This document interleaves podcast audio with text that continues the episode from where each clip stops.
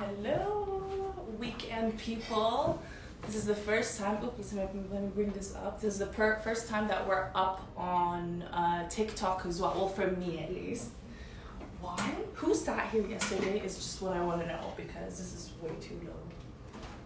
Okay, got a couple of interesting stories to run with you guys today. So if you stay tuned, hello TikTokers. Thank you so much for joining us. Let me just fix the table right here. This is what happens when Mariam's not in town. Do you see?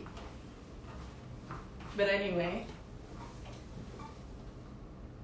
someone wants to join us on TikTok. You know what? Maybe we'll explore that in the next couple of days. But for now, watch the show. This is the uh, Lovin Daily Show, and my name is Shireen Ahmed. You're here today to join me when we talk about all the top trending stories here in Dubai. But first, I wanted to ask who who's watching? Where are you guys watching from? What's the time where you're watching this from? And have you had your morning coffee yet? It's a Friday over here in Dubai, and it is now 9:43 a.m. So I was also curious to know why you are awake at such an hour. If you are like me and you tend to work on the weekends as well, well then welcome. Let's have a good Friday. Let's have a good few 10 minutes today. The weather is a little bit warmer than usual, but then again, I can't really tell. Earlier, when I was getting out of the car, um, there was a slight gush of wind, but you know, who knows? Okay, cool. Are we ready to start? I see people on TikTok, by the way. So if you see me, by the way, looking at both screens, that's because I have TikTok on the air and then Instagram on here. But yes, I see a lot of you guys on TikTok keep trying to join. Again, we will explore that in the next coming days. Thank you so much for stay, staying tuned though. But yes, to start, this was the talk of the town yesterday. And if you have been on lovindubai.com, then you may have heard of it, all right? There's a show that's looking for single British expats um, obviously so that they're they're drafting people for the show. So think of it like a love island or i don't want to say too hot to handle because it's a bit much for dubai. Uh, but yes a love island of sorts that's probably going to be filmed in dubai and everybody's been talking about it. Some people were wondering if this was even um, something that was allowed here or how is that going to work? What about all the other nationalities who are single do they just stay single? And it's all been hilarious but um, basically how this came about was people saw an ad or um, a, a, picture might i say um, that basically says and let me read it out to you guys calling all single british expats. Channel 4 needs you for a brand new reality dating show about single life in Dubai. So they're looking for Brits who are between the ages 20 to 30 years old and they need them to be larger than life, outgoing, you know, all the personality traits that make for a hype reality TV show, right? Um, and they've asked these people to obviously send their details forward to a certain email. And so this really got the town talking. What do you guys think about this? Is this something that you'd be, you know, you'd, you'd, you'd, want to watch? You'd, would you be keen on staying tuned for this? Um, I don't know. There's a really I find that there's a formula to these shows that make them so interesting and you can't keep your eyes off of it. I know when I started watching Too Hot to Handle, shout out Aksa, we watched this right when the pandemic started, right, like a month or two last year. And we vowed to just see one episode and see how that turns out, not really put it give it that much thought. How did we end up watching the entire season that very same night? The entire season. So, I mean, there you go. Again, like I said, you know, they're looking for Brits. If you know someone who's interested, if you're tired of being single in Dubai, I guess. We digress. Um, so, yes, if you're British, you're single, you're outgoing, you're 20 to 30 something. Actually, no, the cutoff mark is 30. What if I'm a single 30 year old? That's so ageist. Anyway, um, and you want to take part in a reality show, uh, the studio wants you to get in touch. So I guess check that out. Let me know what you guys think of a potential show like this coming to Dubai. Uh, I know that when we posted about this on our Instagram as well, a lot of you guys had hilarious comments. I don't even know if I can name some of them, but if you head to our Instagram post and check out the story where we wrote about this, oh, the suggestions, uh, the location places. I guess, I guess some of you guys could already kind of imagine um, those uh, suggestions, but yes, it's hilarious. Anyway, next up, next up, okay. Actually, before I go on to the next story, I just wanted to. I, I don't know if Casey and Simran discussed this yesterday, but um, I heard about the drones that they'll be sending that they'll, they'll be sending out to basically electric shock the clouds and enhance rainfall here in Dubai. And if you've been watching the Lovin Daily every single day on the weekends, I'm usually gushing and crying about the fact that we need rain. I haven't seen one drop of rain this year. Um, and so hopefully that works out. Like they said, um, they want to invest in freshwater supplies, and they've even invested, I mean, not invested, allocated 55 million dirhams into nine rain enhancement projects. One of which involves the drones and the electrocution of clouds. Odd, odd, but you know what?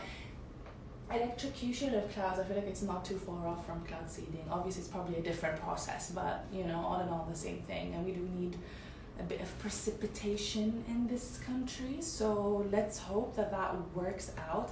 In the meanwhile, meantime, uh, I'm planning on seriously making my dreams come true and just heading to Sharjah.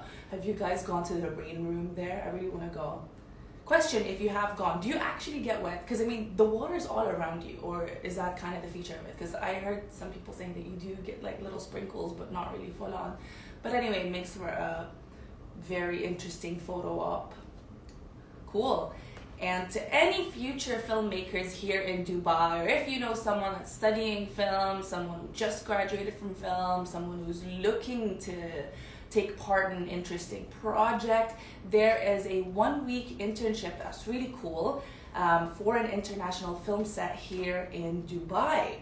Okay, so obviously, if you guys, I mean, people who I know when I graduated from journalism, I wanted to get into the big scene immediately and that's the great thing about living here in dubai is you get to do just that so where there's a show, right? Actually, there's a movie being directed called Where Is Lucy? Okay, and it's just being directed by Selma Azam, and it's starring Dubai-based actress Eva Peterson. Eva Peterson. I really hope I'm not butchering your names. And the movie is going to be produced by the Miranda Davidson Studios. They're looking for an intern. And if you know Miranda Davidson Studios, they're actually known for their work with the Mission Impossible and Star Trek Beyond filming here in Dubai.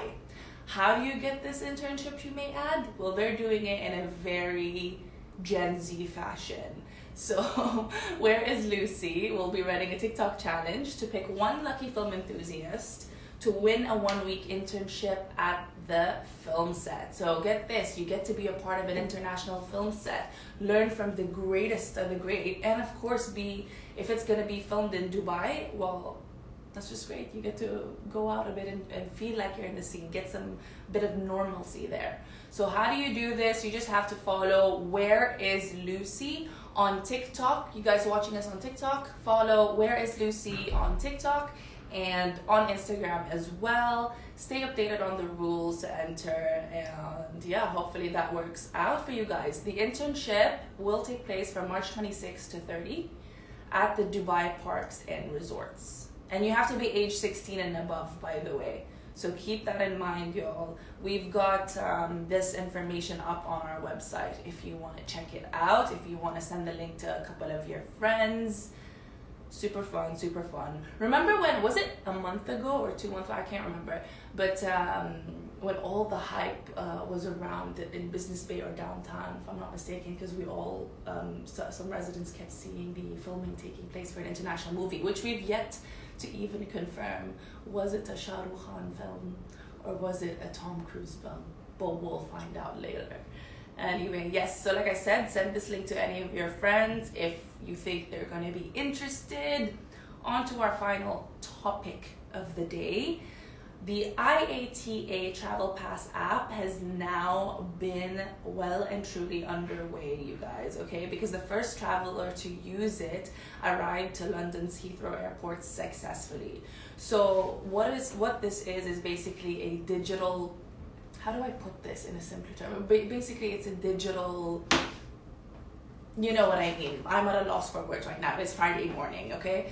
But um, basically, this puts all your paperwork together in a digitized version to make it easier for you as a traveler and obviously for the government, okay? So they conducted a trial test um, to the IATA travel app so passengers on board the Singapore Airlines flight SQ308 use the app to help themselves and the government to manage the travel health credentials required, obviously with the pandemic and everything, and some people still needing to travel here and there or just to make kind of necessary compulsory travels.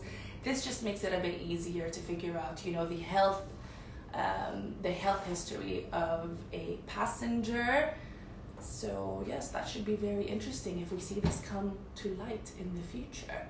Do you guys think this is the way of the future now? Are we all completely going to obli- obliterate the use of passports? Because if you think about it, it makes sense, right? Some people say cryptocurrency will be the currency of the future, so why not digitalized documents as well? I, for one, cannot keep holding on to my printed documents. I fear for my life whenever I don't see them in my sight. But yes, Alexandre de Juniac, the director for the IATA and also the CEO, said, and I quote, the successful implementation of IATA Travel Pass in this trial with Singapore Airlines passengers demonstrates that technology can securely, conveniently, and efficiently help travelers and governments to manage travel health credentials. The significance of this to restarting international aviation cannot be overstated. Imagine if I read that wrong. But yes, so like there are many advantages to obviously using the travel pass. One, obviously for complete ease, everything is there. Um, everything can just be on your phone and you can learn about your travel restrictions the requirements and where you're going and you can also receive verified test results um, and a confirmation if you meet all of the travel requirements um, in the country to which you're planning on visiting, right? So, I mean, that's pretty dainty to me. I don't know about y'all. anyway, thank you so much for joining us on today's Lovin Daily Live. I hope you guys have a blessed Friday.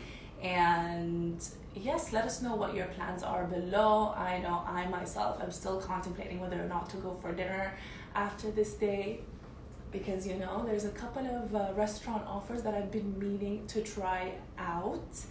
But um, you guys have fun. I'll catch up with you guys tomorrow. And to those of you who don't know, again, I am hosting the weekend shows, hashtag weekend gang, usually with Mariam. She's not in yet. Hopefully, we'll see her next week.